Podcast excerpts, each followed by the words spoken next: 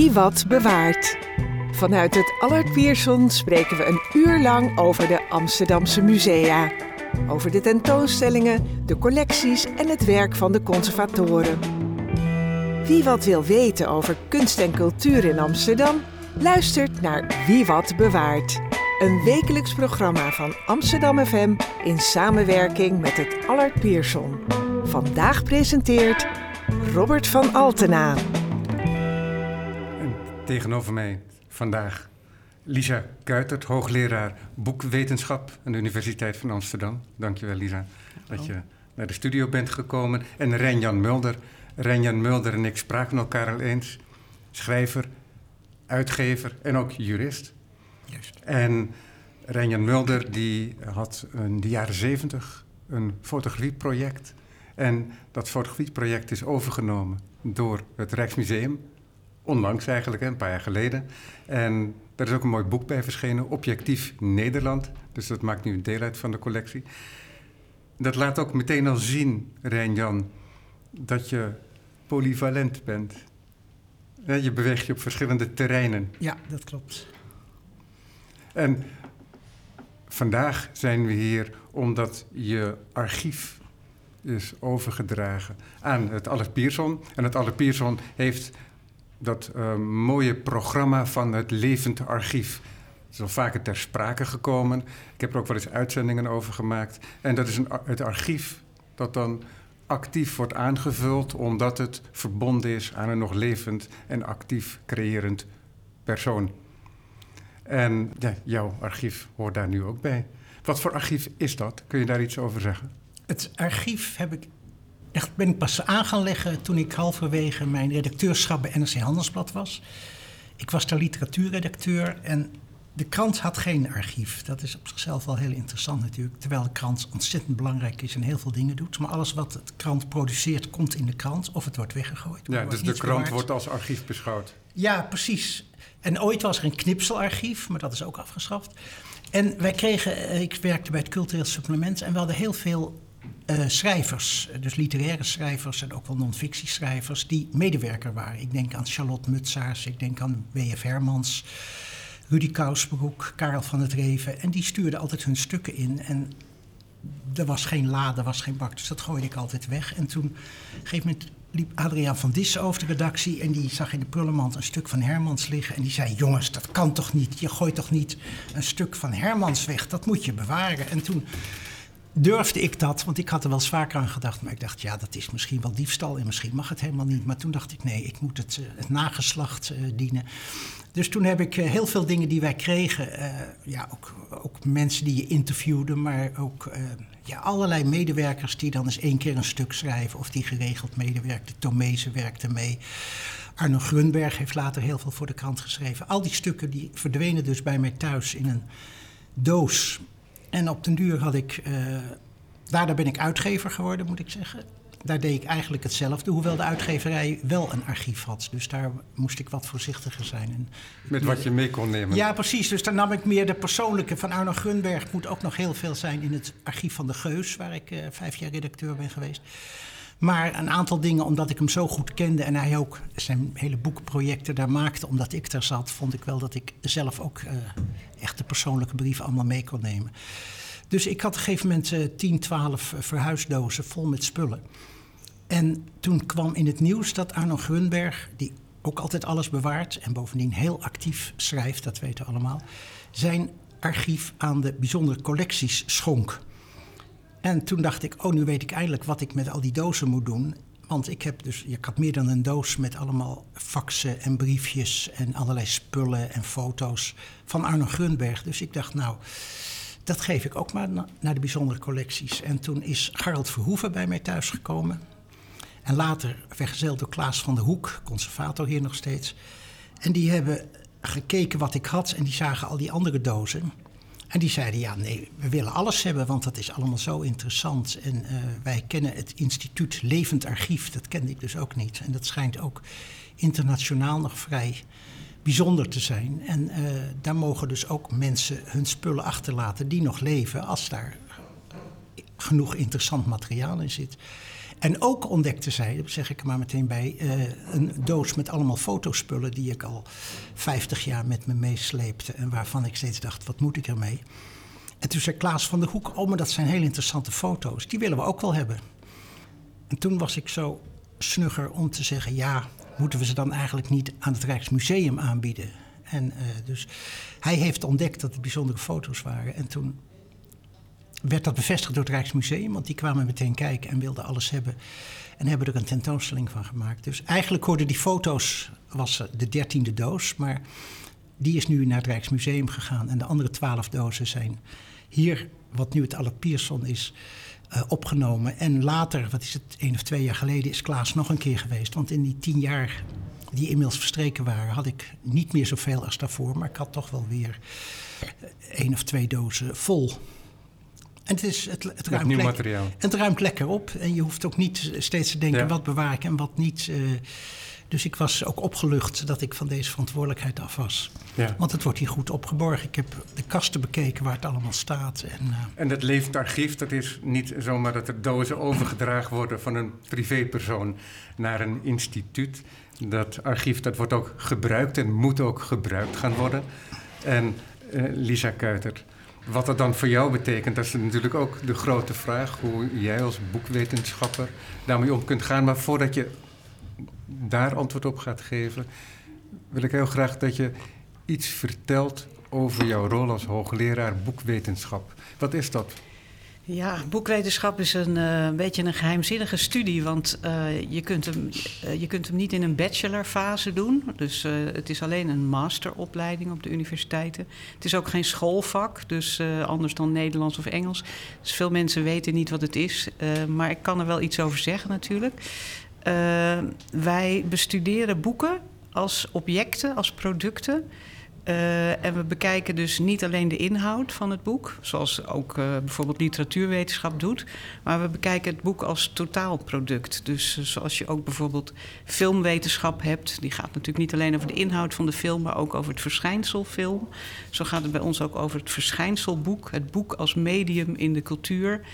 En uh, ja, kijk, als je nu denkt aan hoe cultuur wordt overgedragen, dan is dat eigenlijk altijd via internet of uh, andere nieuwe media. Maar voor het verleden is dat eigenlijk altijd de rol van drukwerk geweest. Die zeg maar nieuwe ideeën in de samenleving inplanten, die revoluties konden ontketenen, die hele religies wisten over te dragen. Dat ging allemaal via het gedrukte of geschreven boek. En daarom is ja, boekwetenschap eigenlijk een hele brede studie met heel veel verschillende specialismen. Bijvoorbeeld middeleeuwse handschriften of oude drukken, maar ook het literaire boek. En daar hou ik me vooral mee bezig. En vandaar dat voor mij dus dat archief van Rijnjan Mulder heel interessant is. Ja. ja, want het is een beetje een gek specialisme, omdat het inderdaad allerlei, heel breed uitwaaiert. Ja. Het kan politicologie raken. Het kan het werkterrein van Mathieu Lommen, die ik een paar weken geleden sprak, uh, raakte. Die hier gespecialiseerd is in, uh, in typografie. Ja. Uh, het kan uh, het boekontwerp zijn, inderdaad. Zeker. En het kan van alles raken. Ja, maar studenten specialiseren zich bij ons. Het is dus niet zo dat iemand en middeleeuwse handschriften en het, uh, de vormgeving van de boeken van de Geus of zo gaat bestuderen. Dus je kiest voor een bepaalde richting en daar specialiseer je je dan in. Ja. Nee, maar, maar inderdaad. Wat, ja, maar wat mooi is natuurlijk ook, is dat wat hier naar voren komt, is dat ook op die, al die gespecialiseerde eilanden in het wetenschappelijk bedrijf, dat mensen van elkaar afhankelijk zijn. Ja. Van mekaars kennis, van mekaars onderzoeken. Zeker. Ook al um, liggen de faculteiten niet direct uh, aan de andere kant van de gang. Nou, dat klopt. Wij zeggen ook altijd: boekwetenschap gaat eigenlijk over alles. Want alles staat in boeken. En dus uh, moeten wij ook van alles wat weten. En houden wij ons eigenlijk met allerlei uh, wetenschapsgebieden ook, uh, ook bezig. Want ja, als je, ik had bijvoorbeeld een keer een sterrenkundige en die ging afstuderen op boeken over sterrenkunde vanaf 1800 tot nu. Ja, dat is, uh, als, als je geen sterrenkundige bent als bachelor en, en je gaat dan boekwetenschap studeren, dan kun je zo'n onderzoek doen. Maar een andere combinatie is eigenlijk niet denkbaar. Dus bij ons zitten heel veel mensen, studenten van hele verschillende achtergronden. En die, hebben allemaal, die brengen allemaal iets mee. En uh, ja, boeken gaan over alles. Dus alles kan ook in boekwetenschap. Ja, en wat is dan jouw achtergrond? Uh, nou, ik heb Nederlands gestudeerd ooit, lang geleden. Um, en uh, ik ben gespecialiseerd geraakt in uitgeverijen, uitgeverijgeschiedenis, ook al tijdens de studie Nederlands. Studeerde ik op af, boekhandels, uitgeverijen. En uh, inmiddels heb ik dat ook verbreed. Ik heb me verdiept in de boekcultuur in Nederlands-Indië. Daar ging mijn laatste boek over. Is in 2020 verschenen. Uh, met een drukpers de oceaan over. Boekcultuur in het koloniale Nederlands-Indië. Ja, dat is natuurlijk heel interessant als ik even zo vrij mag zijn. Want uh, als je denkt aan, aan uh, Nederlands-Indië en de vrijheidsstrijd van Indonesië en zo, dan denk je aan gevechten en aan uh, bloedige strijd. Maar heel veel van die strijd gebeurde op papier in de vorm van pamfletten, kranten, uh, boeken. En dat is eigenlijk heel slecht onderzocht. Wat is precies die infrastructuur geweest? Waren de boekwinkels? Waren de drukkerijen? Werkten daar Indonesiërs? Wat voor lettertypes gebruikten ze? Waar kwam het papier vandaan? En dat is ook het soort drukwerk wat het eerste verdwijnt, omdat ja, het klopt. zijn doel heeft gediend en dan Dus vervolgens bijvoorbeeld kranten. verwaait. Ja, dus. Indonesische kranten uit die tijd, die, die waren soms handgeschreven. Ja, die zijn eh, niet, eh, niet meer te vinden. Dus eh, want zeker in Indonesië is het heel slecht bewaard allemaal. Ja. ja, want ik heb in een gesprek met Garot Verhoeven, die je al even noemde, ehm, wel eens gehad over het verzamelen, ook hier in Nederland, van pamfletten. En ja, dat was papier, dus het werd als materiaal gebruikt voor Ja. het binden van boeken die wel eh, de eeuwen moesten trotseren. Ja. En bij het restaureren van boeken kwamen er zo af en toe nog wat van dat soort eh, ehm, publicaties eh, tevoorschijn. Een eh, onbedoeld archief, zou je kunnen zeggen. Ja. Dan, Ja. ja. dat archief dus vervolgens van Rijnjan. Rijnjan die heeft dat heel getrouw bewaard. Ehm, jij, jij bent ook trouwens ehm, ook als jurist gepromoveerd volgens Ja, mij. ja. En, maar daar eh, had je al een vermenging, een blik op de literatuur al, had ik begrepen. Ja, dus mijn ambitie was op de middelbare school om kunstenaar of schrijver te worden. Wat ongeveer half Nederland wil, geloof ik. En eh, ik heb toch maar besloten eerst een vak te leren. En dat was eh, de, de recht, rechten. Dus ik heb rechten gestudeerd en daar ben ik ook in gepromoveerd. Maar al tijdens, in mijn studententijd ben ik bij Propria gaan schrijven en kwam ik met literatuur in aanraking. En ook heb ik toen het fotoproject bedacht en kreeg ik daar ook subsidie van voor van het ministerie. Dus ik was eigenlijk al met andere dingen bezig toen ik afstudeerde. En dat proefschrift heb ik gedaan. En ik heb ook nog een aantal jaren in het recht gewerkt. Ik heb nog voor de Raad voor de Rechtspraak gewerkt. Maar het grootste deel van mijn leven heb ik toch eh, of als journalist en literatuurcriticus gewerkt, of als uitgever. Ja. De, in dat archief, is dat, want je hebt het net over de- twaalf dozen. ja. Was dat al enigszins georganiseerd? Nee, ik, eh, ik deed alles erin en ik Dat werd echt op een stapeltje Ja, van het ja ene ik vond ook dat ik dat niet moest doen. Ik, ik vond mezelf ook niet belangrijk genoeg. Maar ik Ja. wist, mijn vader had dat ook gezegd. hoor, Die bewaarde ook alles. Hij zei, je moet heel veel dingen bewaren, want dat wordt later nog belangrijk.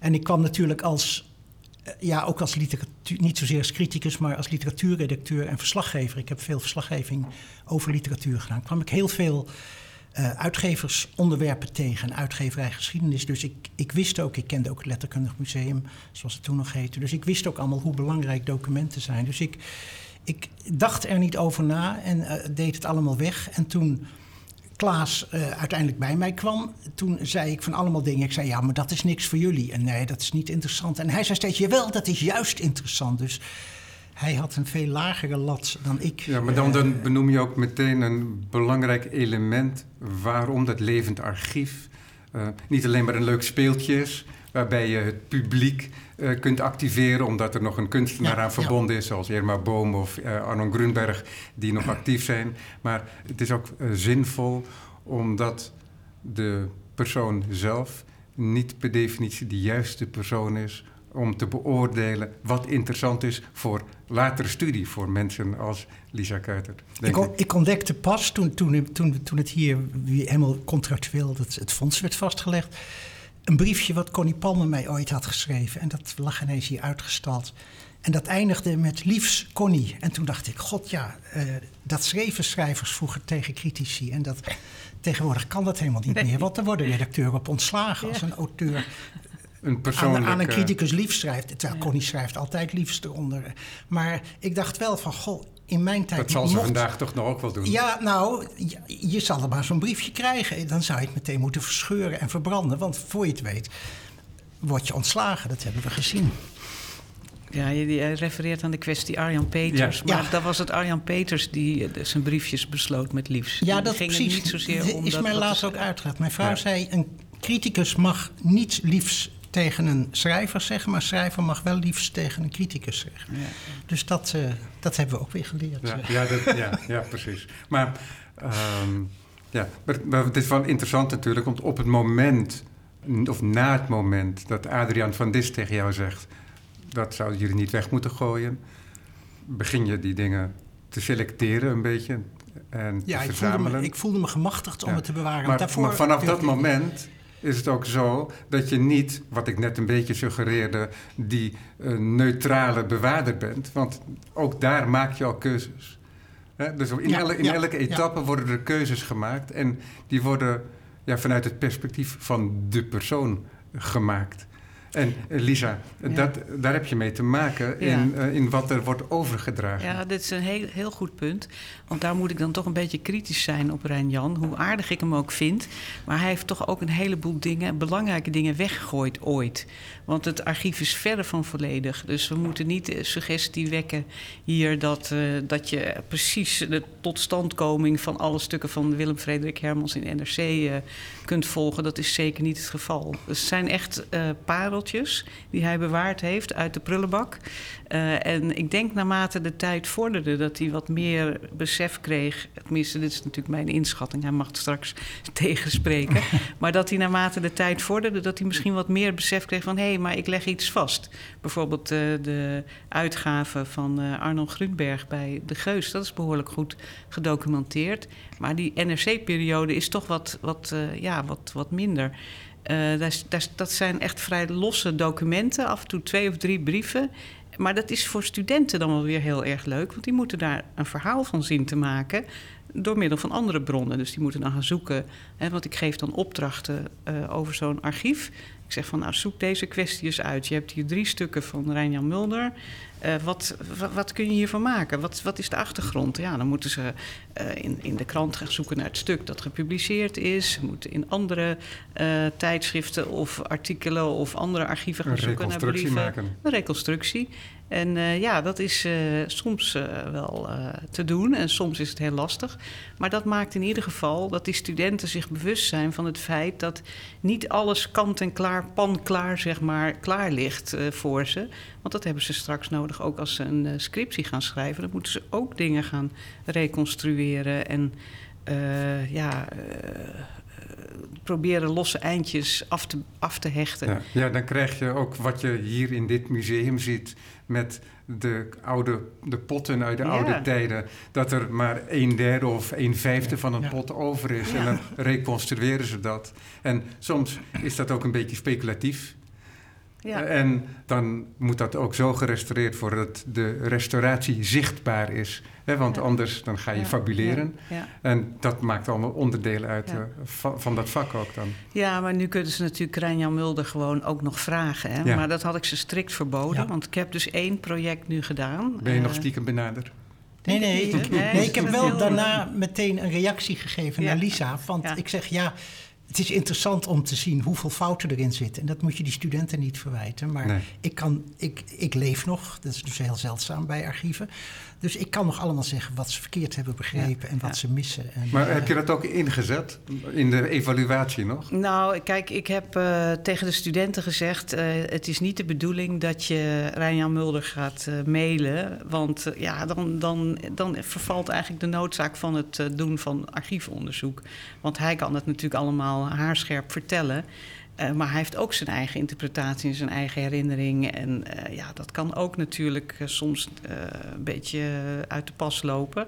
En het idee was, ze moeten gaan onderzoeken met bronnen. En dat is zeg maar de, de leermodus van dat, van dat vak. Wat, en ik heb natuurlijk aan de studenten gezegd van... ja, het kan best zijn dat je af en toe misgrijpt. Maar dat horen we dan wel van Rijn-Jan Mulder. Dus, eh, en het is niet voor publicatie, hè. Het, is, eh, het is allemaal... eh, Nee, maar het is Eh, wel oefening. Maar het is heel mooi, omdat dat heel specifiek laten zien ook waar biografen mee te maken hebben, Zeker, literaire ja. historici. Absoluut. Dus in al die verschillende vakken hè, Ja. die verbonden zijn met Ja. jouw vak. Want één, grote jaad, kan ik zeggen, in mijn archief is Ja. dat de telefoongesprekken er niet in zitten. En je noemt nou het geval van Hermans. Van Hermans is er niet één briefje Ja, dat hebben we in wel geleerd archief. na Nixon. Ja, precies. Maar met Hermans, die, die stuurde altijd zijn stuk op. En dan stuurde hij alleen maar een doorslag. Want hij wist dat zijn eigen manuscripten gingen in zijn eigen archief. Dus wij kregen alleen maar een, een aftreksel. En op die doorslagen had hij met de hand dan wat correcties gemaakt. En als het dan een paar dagen later in Amsterdam aankwam... in zo'n mooie envelop met stempels en met, hij, hij, hij deed dat heel degelijk... Dan belde hij op en dan had hij nog een paar correcties. En dan kon ik ook zelf zeggen van dit klopt niet en dat klopt niet. En dan werd dus het telefonisch werd het, contact gelegd. Maar ik heb nooit met hem geschreven, want daar, was ik waarschijnlijk te minder waardig voor of zo. Hij, hij schreef mij nooit. Maar iemand als Charlotte Mutsaars, die ook vaak grote stukken voor ons schreef, die genoot juist van het schrijven. En daar kreeg ik een tijd lang zelfs elke dag een brief van, of een kaart of een tekening. En die vond dat ontzettend leuk om te doen. Dus dat, dat, en daar had ik ook beter contact mee. En, en, en die sprak ik ook persoonlijk veel, terwijl Hermans altijd in Parijs zat. En, eh, soms de hoofdredacteur ontving, of een, eens per jaar Bert Pol, waar hij dan ruzie mee maakte. Maar Ja, want, die- want kom jij zelf ook nog voor in dat archief? In die zin? Ja, nou ja, wat ik Is, wegstuur... kom- komt er indirect, bedoel ik, ook een beeld van jou op vanuit het archief? Ja, maar wat ik wegstuur, dat heb ik natuurlijk niet. Dat is Nee, bij- dat begrijp altijd bij ik, archieven je- zo. Dus het ja. zou kunnen dat, dat bij Charlotte, die heeft... Ik weet dat de, haar archief voor een deel bij het Letterkundig Museum is. Dat daar wel dingen van mij zitten. Maar zelf ben ik... eh, ja, voor een deel... Ja, dat weet jij beter dan ik. Maar nou ja, er rijst wel degelijk een beeld van, eh van Rijnjan natuurlijk op uit het archief. Eh, omdat eh, de scribenten ook over hem schrijven in hun retourbrieven. Dus je krijgt wel echt een goed beeld. Bovendien heeft Rijnjan ook een fantastische blog. Eh het Zaangold. En eh, daar worden ook heel veel kwesties uitgediept. En kom, kom je eigenlijk heel makkelijk achter zijn eigen rol in het verhaal. En daar had ik de studenten natuurlijk wel op gewezen. Maar het is misschien toch goed, hè? je noemt nu die telefoongesprekken, dat die er niet bij zitten. Dat is eh, voor alle archieven natuurlijk lastig, dat telefoongesprekken er niet in zitten... of persoonlijke ontmoetingen of de gesprekken in cafés, daar kom je nooit achter. Terwijl daar gebeurt het natuurlijk allemaal. Maar nu, in deze tijd, eh, is het natuurlijk allemaal nog veel ingewikkelder... omdat eigenlijk die mailcontacten en appcontacten ook op uitgeverijen niet bewaard worden. Ik weet wel, er zijn sommige uitgeverijen waarin ze eisen dat je aan het eind van het jaar een knop indrukt en dat de hele correspondentie wordt gesaved in een PDF. Dat kan ook in eh, mailprogramma's, maar eigenlijk gebeurt dat nergens. Ach, dus, Dus er dus dat eh, betekent dat er een enorm hiaat gaat ontstaan... of Enorm. Ja. bezig is te ontstaan. Ja, ontzettend. En, eh, dus ik heb heel erg te doen met mijn opvolgers over tientallen jaren. Die straks onderzoek moeten gaan doen naar de jaren 2000. Want dan is dus niet dat mooie materiaal wat we nu van eh Rijn-Jan hebben. En daarom vind ik het ook zo belangrijk dat eh, universiteiten en collecties, zoals hier het Allard Pierson, dat die inzetten op het bewaren van zoveel mogelijk papieren bronnen. Want dat is het laatste wat we hebben. En eh, meer komt er niet meer bij. Dus ja, je kunt ook zeggen... we moeten al die uitgeverijen verplichten... om eh, hun e-mailcorrespondenties af te staan. Maar dat doen ze niet, hoor. Want dan kunnen ze weer niet selecteren. Nee, En, dat kan je ook ja. niet verplichten Nee. natuurlijk. Ja. Dus, eh, dus Ja, dat is wel heel pijnlijk. lastig, ja. ja. En he- heb je daar al mee te maken? Ja, zeker. Absoluut. Ja, nee, absoluut. Dus ik ben nu bezig met een, eh, een boek over de geschiedenis van de VBK-uitgevers. Dat is de groep van eh Veen, Bos en Keuning. Ja, dan moet je dus inderdaad afgaan op wat mensen je vertellen. Of wat je in de vakbladen tegenkomt. Maar eh, brieven of, of zo, dat, dat kun je niet vinden van de afgelopen twintig jaar. Dus Ja. ja, lastig. Maar, en wat voor informatie is er dan? Nou, dan moet je denken aan eh, waarom is iemand bijvoorbeeld weggegaan of eh, opgestapt, of waarom is er een crisis geweest daar, of wat is precies, waarom, waarom is die schrijver van uitgever gewisseld, of dat soort dingen. En daar wil je natuurlijk achter zien te komen. En nou is het niet gezegd dat je dat eh, met historische archieven van papier, dat je daar altijd heel makkelijk achter komt hoor, want er wordt altijd gefilterd in archieven. Hè? Dus. eh, bijvoorbeeld met de Tweede Wereldoorlog. Ja, ik spring wel van de hak op de tak. Ik hoop dat de luisteraar het niet erg vindt. Maar bijvoorbeeld bij de Tweede Wereldoorlog heb je, zie je dat heel veel archieven... dat daar brieven uit zijn gehaald die ja, die bijvoorbeeld toch een wat minder gunstig beeld geven van een uitgeverij bijvoorbeeld. Uh, en ja, dat is lastig, want dan kom je er nooit helemaal achter wat, uh, wat precies de rol is geweest van die uitgeverij tijdens de Tweede Wereldoorlog. Ja, ja dat is wel een, een hele bekend voorbeeld ja. inderdaad van een soort zuivering. Ja. Misschien is dat woord dan ook wel op zijn plek. Ja. Uh, van, van het archief. Ja, het archief is toch uh, minder neutraal dan je misschien denkt. Het is echt wel, ja, dat, dat blijkt ook wel uit de beschrijving van hoe Jan tot het maken van het archief is gekomen. Hij dacht, ik zie iets in de prullenbak, ik vind dat interessant en belangrijk. Of Adriaan van Dis vond dat interessant en belangrijk. En hij is dat gaan bewaren, maar hij heeft natuurlijk ook een heleboel weggegooid. Maar ik ben eigenlijk nog geschokt door, ben ik nog aan van het bijkomen zelfs, dat NRC geen eigen archief heeft. Ja, dat vind ik echt ongelooflijk. Nee. Ja, ja, daar kijk ik ook van op. Ja, dat is, was, was nieuw voor mij. Maar, uh, ja. ja. We zaten hier in Amsterdam en daar had je een bureau met één la. En, daar, en, daar, zat dan je, weet ik het, ja. wat papier in of zo. En, ja, Maar faxen die binnenkwamen of zo, nee. Dat, maar, maar 90% van de mensen waren natuurlijk anonieme verslaggevers, persbureaus. dus het was zeker. ook. En, en eigenlijk alleen het cultureel supplement had altijd bekende literaire schrijvers. Maar voor de rest. Ja, op de opinieredactie hadden we natuurlijk wel heel veel stukken Ja, van ministers ja. en dat soort dingen. Dus Ja. daar kun je ook zeggen, Ja, dan had je, dat ja. zou je moeten bewaren. Ja. Ja, ja. maar Eh, dat literair bedrijf, hè, het geschreven woord, dus dat, is, dat zit met elkaar verbonden.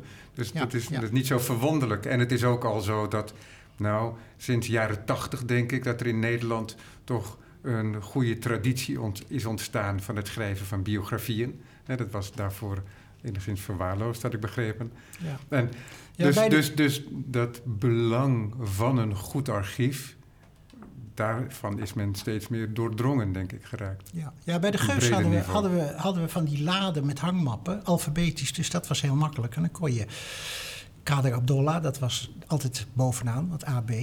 Dus die, daar hadden we een heel pak stukken van. Want eh, daar heb je, Ja. Dus daar hadden we wel dat systeem. Maar bij Meulenhof, waar ik later werkte, werd het eigenlijk al niet meer bijgehouden. En ik heb nog meegemaakt dat we het hele Meulenhof-archief aan de bijzondere collecties hebben overgedragen. Omdat dat. Het kost ook geld. Hè? Je moet het ordenen en je moet, je moet er een aparte functionaris eigenlijk voor hebben. En dat. Een uitgeverij werkt commercieel, dus die heeft ook helemaal niet de middelen om, Nee. eh, Ja. om dat soort dingen te bewaren. En veel, veel uitgevers hebben wel archief bijgehouden, maar dan gaan ze fuseren of ze worden opgeheven. En dan is er niemand die denkt van, oh hé, maar dat archief gaan we aan het Allard Pierson schenken. Ja, dan moet je eh, geluk hebben je dat er een wakker hebben. persoon bij Precies. zit die daar waar aan hecht. Ja, ik heb echt dramatische verhalen gehoord. Van, oh nee, maar dat hebben we weggegooid. Ja, een beetje waterschade. Toen dachten we, ach, weet je wat, eh, oud papier. Ja, dan denk ik, oh, wat zonde, wat zonde, wat zonde. Ja. Ja. Bij, Ja. Meu- bij Meulenhof hadden we Laurens van Krevel, die was al weg. En die hoorde dus, wij werden ook door een fusie opgeslokt. En uiteindelijk is ja, Meulenhof een hele andere uitgeverij geworden. En Welke Laurens- periode werkte je daar? Ik werkte daar eh, 2003 tot 2006. En we zaten dus, en we hadden enorme verliezen, moet ik erbij zeggen. Dus eh, het was ook wel terecht dat er gefuseerd werd. En toen heeft Laurens contact gelegd met, met de UB en met de Verenigingsbibliotheek. En toen is Garald bij ons op het nippertje een heleboel dozen komen weghalen. En ik begrijp dat dat nog steeds eigenlijk een van de weinige archieven is. Hè, die, eh, Nou, het er is, genoemd als vrij uitgebreid. Er is een heel mooi archief van de Harmonie. Dat ligt in het Literatuurmuseum. Er is een groot archief van uitgeverij Veen. Ligt ook in het Literatuurmuseum. Oh ja. Hier is archief van uitgeverij Contact, nu eh, Atlas Contact. Dat is eh, niet bijgehouden, maar dat is tot 1970 zeg maar tamelijk eh, volledig. Ja, volledig is het nooit, maar uitgebreid. Nee, dus er zijn wel wat uitgeversarchieven hoor. Maar ja, we hebben honderden uitgevers, hè. Dus eh Maar is het- fractie. Bestaat er zoiets als een soort protocol wat je zou kunnen overdragen aan de verschillende uitgeverijen? Zou dat interessant zijn voor jou? Ik denk dat er geen geld is bij die uitgeverijen. Het is natuurlijk toch- Nee, het zijn natuurlijk bedrijven, hè? dus je kunt ze niet verplichten. Ja. Ze, ze mogen doen wat ze Nee, willen. natuurlijk, maar je zou, je zou, ben je wel eens met uitgeverijen in gesprek geweest Ja, absoluut. Ik, over dit onderwerp? ik zeg het ook altijd van "Ah, als je archief hebt, zorg dan dat het naar de Albert Pierson gaat. Hoewel ook niet alles meer wordt opgenomen in archieven, want ook hier hebben ze natuurlijk ruimtegebrek. Dus eh, ik heb ook wel eens gehoord dat sommige instellingen moesten betalen voor het afstaan van hun archief. Ja, dat gaan ze natuurlijk al helemaal niet doen. Hè? Dus, uh, dus dat, ja, ik denk wel dat hier een, uh, een taak ligt voor de archiefinstellingen. Om, ik ben natuurlijk geen conservator, hè, dus ik ben een onderzoeker. Dus ik zeg het wel, maar ik heb niet de middelen om, om uitgeverijen te bewegen hun spullen hier af te dragen. Want ik weet niet of Allard Pierson daar geld voor gaat rekenen.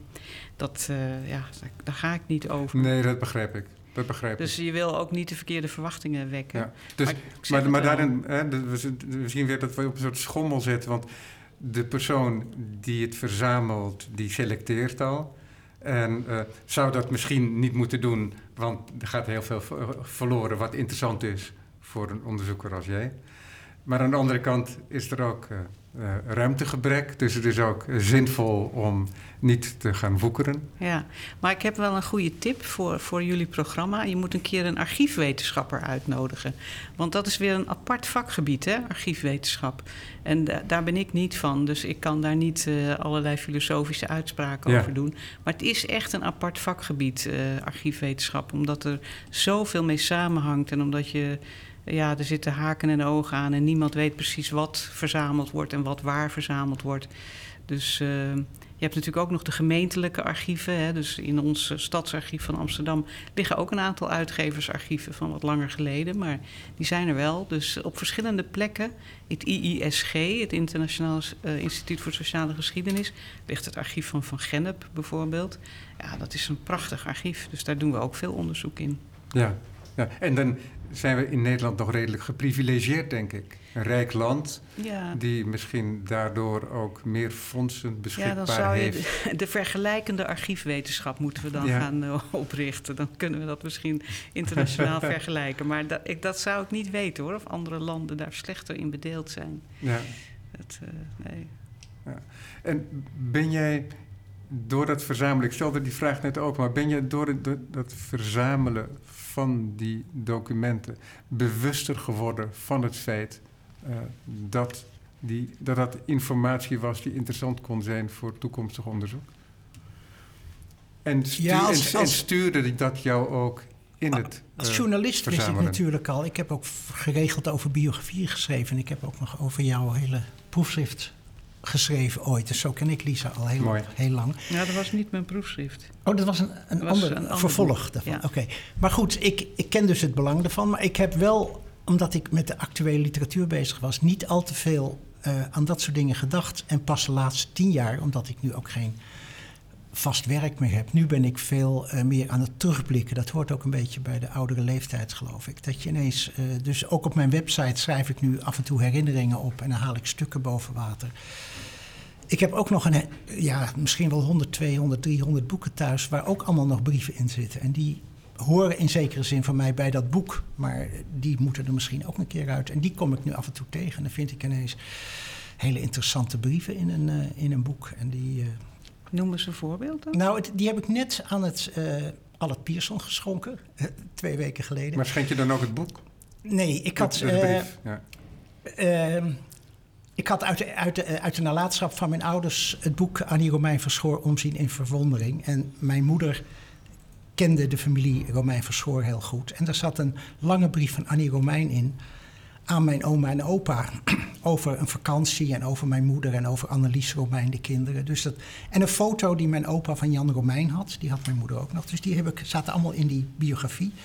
En dan dacht ik, ja, Jan Romein, Annie Romein, dat zijn toch nationale figuren. Dus ik heb die brief heb ik net aan uh, Klaas van der Hoek uh, overgedragen. En de foto's ook? De foto ook, ja. Dus ah, is een, mijn opa was een verdienstelijk amateurfotograaf. Dus die mm. heeft in de huiselijke kring een foto van Jan Romein. Waarvan ik ineens dacht, ja, mijn boeken zijn dus nog niet bestemd. Ik dacht, laat ik die brief maar vast hier naar het Allard Pierson geven. Want dan, en dan zie je dus niet Annie Romein verschoor als de grote strijder en onderzoeker en hulp van haar man en wat ze allemaal is, of, of, dagboekschrijver.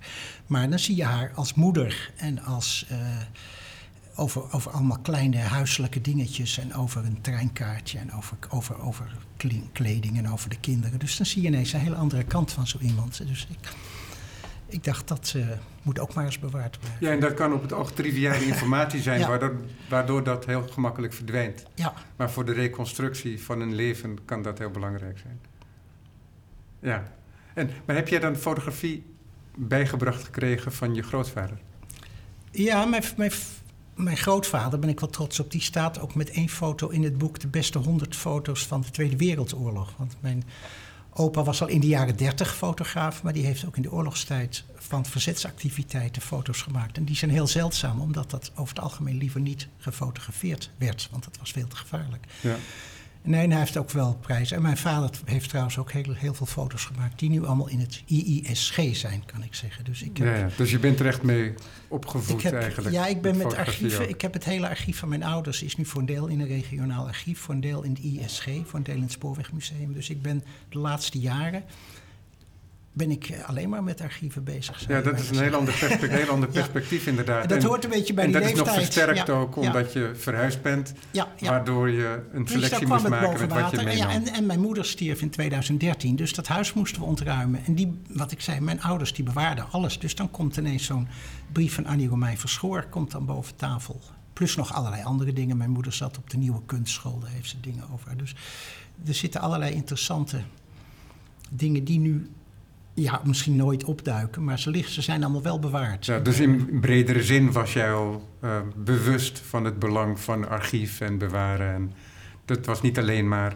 Die, nee, het gaat in etappes. Die, de overdracht, die kleine, die kleine opmerking van Precies. Adriaan van Dis op de redactie van de krant. Nee, maar toen is het wel begonnen.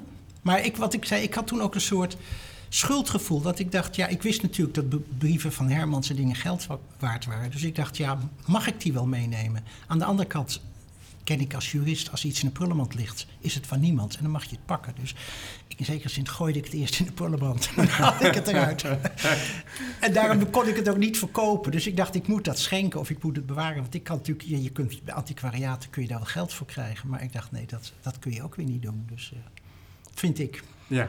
Ja, ja, want dat kan ook weer een archief helemaal, kan helemaal gevierendeeld worden op er die manier. Er zijn uitzonderingen. Ik zag geen naam noemen van mensen die hun hele archief voor flink veel geld uh, hebben verkocht. En daar kwam toen ook ineens kritiek op van waarom gaat dat niet naar het literatuurmuseum. Ja. Dat, uh, die ze in functie dus allemaal die brieven hadden gekregen. Ja. Dus dat, uh, en ik vind ook dat niet kan. Ja, dat zijn flinke, flinke schemergebieden inderdaad. Ja, ja. ja, ja dat klopt. En um, Lisa, voor jou, um, je bent vanuit Nederland, studie Nederlands, ben je hierin terechtgekomen. Was dat al heel vroeg in je vizier, die boekwetenschap? Nou, ik ben afgestudeerd op, uh, op boekhandels in het interbellum. Uh, en dat was een onderzoek waarbij ik ook mensen ging interviewen. Uh, en het interbellum is dus uh, zeg maar 1918, 1940. En uh, dat was, die mensen leefden toen nog, die boekhandelaren, die toen een boekwinkel hadden gehad. En de zoekvraag was van, hebben jullie je best gedaan voor literatuur... of maakte dat eigenlijk niet zoveel uit wat je verkocht? En het was ontzettend leuk. Ik raakte helemaal verslingerd in dat, in dat gebied, zeg maar, tussen de lezer en de literatuur. Dus daar zitten die distributiekanalen tussen. En dat was helemaal nieuw voor mij, dus ik ben me daar helemaal in gaan verdiepen. En um, dat, uh, ja, dat heeft uh, geleid tot een vervolg in een proefschrift. Waarbij ik wat verder het verleden inging, 19e eeuw. Maar daarna kwam ik weer terug in de 20e eeuw. En nou ja, ik werkte toen nog bij Neerlandistiek. Um, maar ik heb me altijd bezig gehouden met uitgeverijen. Dus nu dan in Nederlands-Indië, maar voorheen in Nederland en in allerlei verschillende perioden. Het is gewoon een, een magisch beroep, uitgeverijen. Ik vind het heel interessant, omdat het zit tussen de grens van commercie en idealisme. Dus een, hè, een uitgeverij is een bedrijf, krijgt geen subsidie, moet kunst maken. Uh, kunst in, uh, in, uh, ja, in, in massaproductie zou je kunnen zeggen. Het gaat niet om unica, zoals bij een schilderij of zo. Dus de, ja, en er moet reuring komen, anders worden die boeken niet gezien en niet verkocht. Dat is gewoon razend interessant. Want de hamvraag is natuurlijk bij literatuur. Wat is literatuur? Als je dat aan iemand vraagt, krijg je 300.000 antwoorden. dat is zo moeilijk te beantwoorden. Maar ja, één... er, er, er zijn nog polemieken mee geweest Daarom. met genoemde Connie Palmen inderdaad. Ja, dus, eh, eh, dus de, de, die hamvraag kun je op allerlei manieren beantwoorden. En eh, mijn instelling is: kijk naar wat uitgeverijen doen. En kijk naar wat eh, mensen als critici, zoals Rijn-Jan Mulder vroeger, als echte gezaghebbende criticus van eh, eh, NRC. Dus dan kijk je naar van wat zegt hij over een boek. En wat zegt de uitgeverij over een boek. En hoe wordt het gepresenteerd? Is het, wordt het gepresenteerd als een literaire thriller of als een literaire roman? En ja, dan heb je eigenlijk al de eerste scheidslijn te pakken tussen wat literatuur is en wat niet.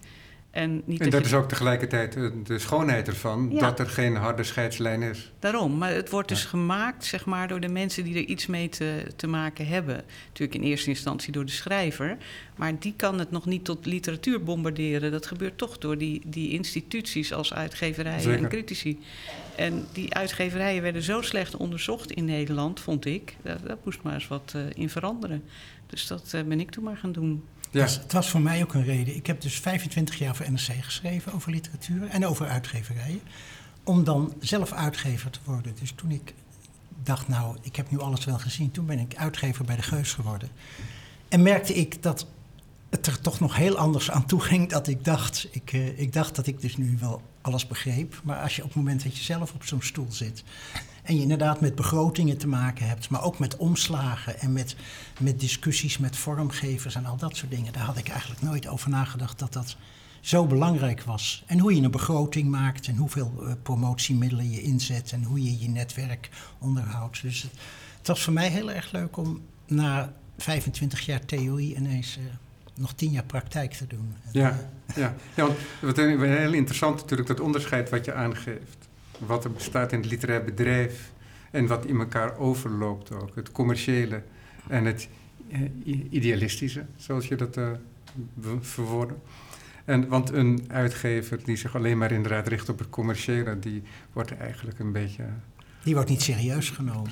Nee. En een van de graadmeters eh, hebben wij eh, boekwetenschappers eh, nou ja, ontdekt natuurlijk niet. Maar is als een uitgeverij eh, poëzie uitgeeft, dan wordt het gezien als een literaire uitgeverij. Omdat je op poëzie Dat is de eigenlijk... maatstaf. Ja, omdat je bij poëzie eigenlijk geen winst maakt. Dus dat doe je dan uit liefde voor de literatuur. Maar je ziet natuurlijk ook dat dat dan weer een, een soort kluifje wordt om naar de literaire wereld toe te werpen. Dus je hebt ook uitgevers die een beetje moedwillig. Eh, of nou, moedwillig is niet het goede woord, maar in ieder geval eh, heel bewust wat poëzie uitgeven. Van, hebben we dat ook weer gedaan? Hè? Dus eh, ja, het is eigenlijk heel grappig om te zien hoe uitgeverijen werken. Het is leuk, grappig. Ik vind ze heel stoer en dapper, uitgeverijen. Ik ben echt een fan van uitgeverijen, dat durf ik wel te zeggen. Ja. Ook van schrijvers en Ja. van Maar heb je dan- hoor. Maar, Want wanneer is een uitgeverij of een archief interessant? Hè? Want het, de scheidslijn tussen heden en verleden, ja. ehm, die ligt ook niet vast. Nee, dat is ook een heel, hele goede vraag. Want ik had nu bijvoorbeeld een student die is net klaar met de scriptie. Eh, en die scriptie gaat over eh, kinderboekillustraties. En zij ging onderzoek doen naar archieven waarin kinderboekillustraties zitten. Dus originele van eh, kinderboeken. Dus nou, dat is natuurlijk prachtig materiaal. en die worden inderdaad bewaard. Maar die worden vaak bewaard zonder enige context, als ze al bewaard worden. Dus dan ligt er een mapje met illustraties, maar verder niks. Ja, daar kun je dan geen onderzoek in doen. Dan is het kunsthistorisch wel interessant. Maar cultuurhistorisch kan je er eigenlijk niks mee. Want je weet niet wanneer het is gemaakt, waarom het is gemaakt, eh, tegen welke kosten, welke vergoeding, eh, voor welk boek. eh. dus de context is eigenlijk super belangrijk.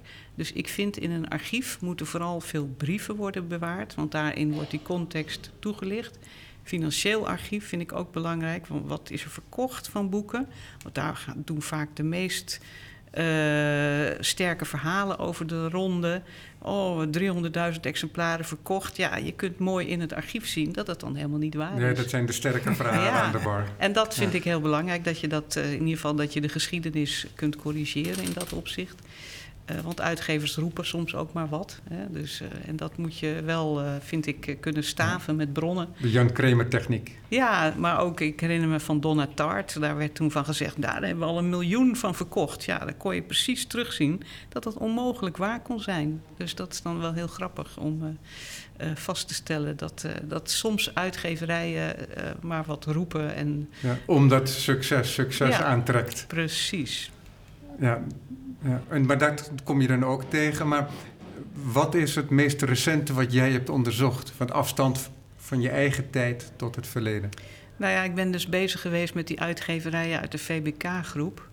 En wat ik daar zo interessant aan vind, is dat eigenlijk al die uitgeverijen in een bepaalde zuil zaten, zou je kunnen zeggen. Er zitten katholieke uitgeverijen, protestantse uitgeverijen, neutrale, zoals het dan heette, uitgeverijen, socialistische. Die zijn allemaal bij elkaar geklonterd op een gegeven moment, ergens in de jaren 70, 80. En ja, dat vind ik heel interessant om dan te zien hoe in zo'n uitgeverij eigenlijk al een stukje van de samenleving is, is uh, ja, uitgekristalliseerd, zeg maar. Uh, en dat zie je niet alleen in het fonds, maar ook in de correspondentie daarover en de manier waarop uh, boeken in de markt worden gezet. En, en tegelijkertijd blijft bij al die uitgeverijen die handelsgeest uh, de boventoon voeren. Dus er moet wel altijd brood op de plank. En dat is gewoon, ja. Ja, het is ook ik, een bedrijf. Ja, ja. En dat vind ik fascinerend. Dat je dus zelfs met religie nog uh, geld kunt verdienen. Ja, en hoe was het dan voor jou, Renjan? Want je was een bedreven criticus. Een ja, gedreven ja. criticus, anders hou je dat niet zo lang vol. Want het is een bijzondere intensieve praktijk. Ja, je moet een omslag maken. Ik heb één jaar, en dat denk ik niet toevallig, heb ik op de opinieredactie van NRC gezeten. Omdat ik ook het gevoel had, ik kan niet als criticus gaan solliciteren bij bedrijven waar ik altijd heel kritisch over ben. Of juist niet kritisch, omdat ik denk, ik wil daar een baantje hebben. Dus ik ben Want je overwoog wel om over te stappen? Ik, wou, ik, ik, had altijd wel het idee, uitgeverij lijkt me erg leuk. En uh, zeg maar ik heb ook een tijd bij de overheid gewerkt. Ik heb, een, ik heb mijn proefschrift hier geschreven. Maar ik vond dus het sociale en het tussen de mensen zijn vond ik erg leuk. En met boeken bezig zijn vond ik erg leuk. Maar wat ik bijvoorbeeld uh, ja, moest leren, is dat je bij een flaptekst van een boek... dat stelt natuurlijk hele andere eisen dan bij een recensie. Bij een recensie had ik probeerde ik eigenlijk, dat is zo'n beetje mijn houding, dat ik de goede en de slechte dingen allebei wil aanwijzen en dan een afweging maken van dit, is, dit zijn plusjes, dit zijn minnetjes. In een flaptekst doe je dat natuurlijk niet. Dan moet je in 200 woorden of 300 woorden moet je een boek, uh, en in advertentieteksten net zo, moet je, heb je soms maar één alinea, moet je een boek karakteriseren. Niet te negatief natuurlijk, maar je moet wel uh, een bepaalde snaar raken, waardoor ineens allemaal mensen denken: dat moet ik lezen. En dat, dat is een hele nieuwe uitdaging, wat je als, uh, als journalist helemaal niet kent. En als journalist ben je natuurlijk ja, altijd kritisch. En je, er is ook heel veel nep en, en, en inderdaad overdrijving en leugenachtigheid. En dat probeer je als journalist een beetje in proportie te brengen. Maar als uitgever sta je natuurlijk voor je bedrijf en ga je niet je auteurs afvallen. Dus dat, uh, Hoe was dat voor jou, die overgang? Van... Nou, ik vond het ontzettend leuk. Ik zat opzettelijk ook bij, dus bij de Geus in Breda. Dus dat is iets heel anders dan... Ik kende de Geus ook helemaal niet. Ik had één keer daar een, een interview gemaakt met de directeur. Maar alle uitgeverijen in de grachtengordel, die kende ik allemaal goed. Maar nu kwam ik ineens in een, in een heel alternatieve uitgeverij... die eigenlijk functioneerde als een soort gezin met... Uh, we aten elke middag tussen de middag aan de tafel en het was echt een team. En ik kende de begrotingen door en door. Ik wist precies welke titels voor uh, de inkomsten zorgen. En wat allemaal de, de zorgenkindjes waren. Dat, en, en inderdaad met poëzie. Maar wij gaven ook allerlei boeken. Het was een vrij ja, sociaal bewogen uitgeverij. Dus we gaven ook allemaal boeken uit. Een ogenblikje, Ranjan. Uh, Lisa, ik dank je hartelijk. Jij stapt op, want ja. je hebt andere verplichtingen. Ik dank je hartelijk dat je naar de studie bent gekomen. Ja, heel graag gedaan. En uh, een mooie voortzetting nog Dank van het gesprek. Ja. ja. ja. Maar was dat lastig, het, was, die nee, je, je, moest meteen... Ik, ik weet nog dat ik uh, bij NRC, toen ik daar wegging... toen zeiden ze, nou, schrijf nog een keer een groot stuk over de uitgeverij. En ik kon het niet, omdat ik ineens dacht... nee, ik ben nu uh, zakenman geworden. En als ik nu iets schrijf, dan, dan is het onoprecht. Want nu, nu spreek ik voor een voor een belangengroep of voor een bedrijf. Dus ik vond ineens dat ik niet meer de functie van journalist kon vervullen, omdat ik uh, was overgestapt naar het bedrijfsleven. Heb je zelf wel eens de aanvechting gehad om zelf aan het werk te gaan met het archief? dat je had verzameld? Nou ja, ik, ik, ja, nou, nee, ik ben, ik ben hier... Uh, ja, want je, je blogt nog actief hè, met, met Zaangold, nee, wat, ik, wat, ik, wat, ik, wat, ik, wat ik op Zaangold vooral doe... is dat ik, dat ik af en toe schieten mij ineens leuke... en dat doe ik trouwens op Facebook ook... schieten mij allerlei leuke anekdotes te binnen... waarvan ik denk, hé, hey, dat moet een keer opgeschreven worden. En dan uh, plaats ik soms stukken zonder commentaar. Dan vind ik ze ineens terug. Of dan vind ik, maar soms ook geef ik dan meteen de context erbij... en geef ik. Ik heb het bijvoorbeeld met een recensie van Cees Notenboom. Heb ik ook ooit een belangrijk boek nogal negatief besproken. Die recensie is ook veel besproken geweest, omdat het nogal, nogal omstreden was. Die heb ik op mijn website gezet, maar ik heb er wel bij gezet uh, waarom ik hem geschreven had en dat ik het nu anders zie. Dus dan krijg je een soort terugblik en dan relativeer je wat en dan, dan schets je de tijdgeest. Het was, hij is misschien wel 30, 40 jaar geleden geschreven. Dus ja, toen was je jong en wilde je de, de literatuur uh, kritisch bekijken. En nu ben je veel milder en nu, nu plaats je dingen veel meer in perspectief waarschijnlijk. Dus dat, dat hoort bij de levensfase waar je in zit. Hè. Dat, uh, maar ik ben dus nooit hier. Maar ja, ik moet zeggen, het archief was hier nooit geïnventariseerd. En doordat er nu een fonds is, wat onder meer zich daarmee bezighoudt. Nu is er dus voor het eerst. Uh, zijn een aantal mensen in mijn archief gaan kijken, hebben daar werkstukken over gemaakt. Dus nu ben ik ineens ook veel bewuster van wat er allemaal in zit. Maar ik weet zelf echt, eh, ik weet nog niet de helft. Toen hier dus dat kleine tentoonstellingje was, was ik verbaasd over wat er allemaal voor brieven in zaten. Want ik wist het niet meer. Dat je, je krijgt natuurlijk elke dag dingen binnen en dat, dat stop je weg. En uh, ik heb het in één keer overgedragen. Dus het was voor mij ook leuk om weer uh, te zien. Ja, maar je hebt nooit de aanvechting gehad dus om er zelf een boek over te schrijven? Nee, dan zou je memoires moeten schrijven. En dat is natuurlijk een beslissing die je, die je moet nemen. En ik weet niet, ja, ik denk dat ik dat niet. Ik heb eh, vrij recent een boek geschreven over mijn jonge jaren. Een plaats waar ik ben geweest in Duitsland. En waar ik 40, 50 jaar later weer terug ben geweest. En, en dus hoe je terugkijkt op je jeugd en op die plaats. En, en je houding tegenover Duitsland ging het in dit geval. Maar dat is dus een, een heel specifiek soort memoires. En ik, ik denk niet dat ik uh, ja, belangrijk genoeg ben om memoires te schrijven. Maar ja, je kunt ook. Ja, je kunt, je kunt van alles kun je wat maken. Maar ik ben nog niet in die fase dat ik denk, ik wil uh, mijn leven op schrift stellen. Nee, kijk, ik, je hebt toch een belangrijke periode van het Nederlands literair bedrijf is onderdeel van jouw leven. Ja. Dus, dus daar zou je ook over kunnen schrijven. Maar en, want daar gaat het archief ook voor een belangrijk deel over. Ja, dus nee, maar ik heb, ik heb een aantal eh, stukken. Nou ja, ik heb over, over Connie Palme, om dit voorbeeld te noemen. Toen NRC Handelsblad als fusiekrant 25 jaar bestond, wilden ze wat belangrijke momenten. Toen heb ik een stuk geschreven over hoe mijn recensie van Connie Palmes De Wetten, wat nogal een groot opvallend stuk was, hoe dat tot stand is gekomen en, en welke factoren daarmee hebben gespeeld. Dus, dus incidenteel doe ik het wel dat ik iets doe, maar ik heb nog niet. Uh, ja, je moet ook een, een, podium hebben of je moet een, een uitgever hebben. Als nou een uitgever te, tegen mij zou zeggen. Hier heb je een ton, schrijf je bio, je, je memoires. Dan ga ik daarover nadenken, maar dat heb ik nog niet gemerkt. Is er contact tussen critici en de auteur naar aanleiding van een geschreven kritiek? Nou, je probeert het te vermijden. Dat was voor mij een lastige positie. Ik was namelijk niet alleen criticus, maar ik was ook literatuurredacteur. Dus ik deed ook verslaggeving. Ik moest uh, ook de krant indelen. Dus ik moest ook een beetje in de gaten houden van welke boeken komen er aan, welke schrijvers zijn belangrijk. Maar ook waarom stapt, wat, wat Lisa zegt, waarom stapt een schrijver over van de ene uitgeverij naar de andere. Ik herinner me dat toen Mai Spijkers zich afscheidde van Bert Bakker en zijn eigen uitgeverij Prometheus begon, heb ik een groot interview met hem gemaakt. Want ik dacht, ja, dit kan wat worden en dat wil ik weten. Dus wat een criticus normaal doet, ver weg blijven van uitgevers en schrijvers, dat kon ik niet doen, omdat ik als, als literatuurredacteur verplicht was om, om het hele vak te overzien. Dus ik, ik had, erin, ik had erin een andere positie dan de meeste critici. Ja, maar dat is een formeel onderscheid die in de echte wereld bijna niet functioneert, denk ik.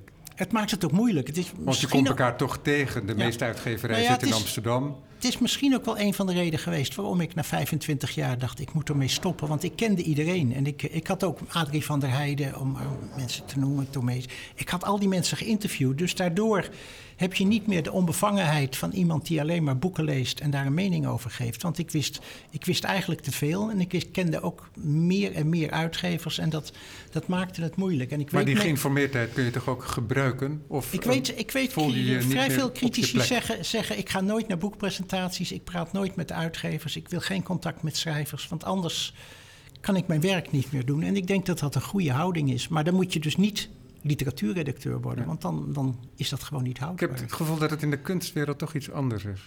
Waar ik iets meer mee te maken heb. Ja, nou, er zijn, ja, dus, dus, er zijn alleen al het, jurylidmaatschap. Ik heb nooit in juries gezeten. Maar als je natuurlijk in een jury zit, kom je daar vanzelf in aanraking met een aantal schrijvers, met een aantal collega-critici. Dan krijg je een heel ander eh, netwerk. En nou, er zijn meer critici waarvan ik weet dat ze weigeren in juries te gaan zitten. Maar je hebt ook schrijvende critici. Dus uh, die zelf romans, nee, poëzie schrijven en die ook recenseren. Maar dan heb je ook weer vaak... Ik, ik ken verschillende schrijvende critici die zeggen... ik schrijf niet over Nederlandse literatuur, want dat vind ik te lastig. Ja. Omdat wij allebei, als we allebei in de top 10 staan... en ik moet mijn, mijn directe concurrent gaan prijzen of afmaken...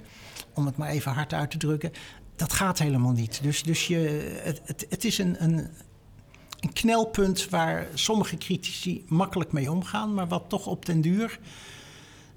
Dat zie je ook in Arjen Peters, die toch ook een, ja, vond ik een hele goede criticus is. Maar die vond het Volkskrant dat hij toch te nauw betrokken was bij allerlei uh, personen in het veld. Ja, dat is het gevaar als je te lang doet wat je aangeeft. Ja, maar dat eh, speelt ook in de politiek. Hè? Iemand, een, de, de, verslaggevers in Den Haag, die hebben hetzelfde. Die moeten met al die politici contact onderhouden. Maar ze mogen ook weer niet loyaal zijn tegenover al die politici. Maar ze moeten ze ook kunnen aanvallen. misschien dat we elkaar over een paar jaar weer spreken over dit archief... als het helemaal in gebruik is genomen door de dat onderzoekers. Dat zou mooi zijn, ja. Ik dank je voor nu hartelijk. Ik sprak vandaag met Lisa Kuiter hoogleraar boekwetenschap aan de Universiteit van Amsterdam. En Renjan Mulder, wiens archief is overgedragen aan het levend archief van Allard Pierson. Dank voor het luisteren. Techniek vandaag in handen van Erik Korver.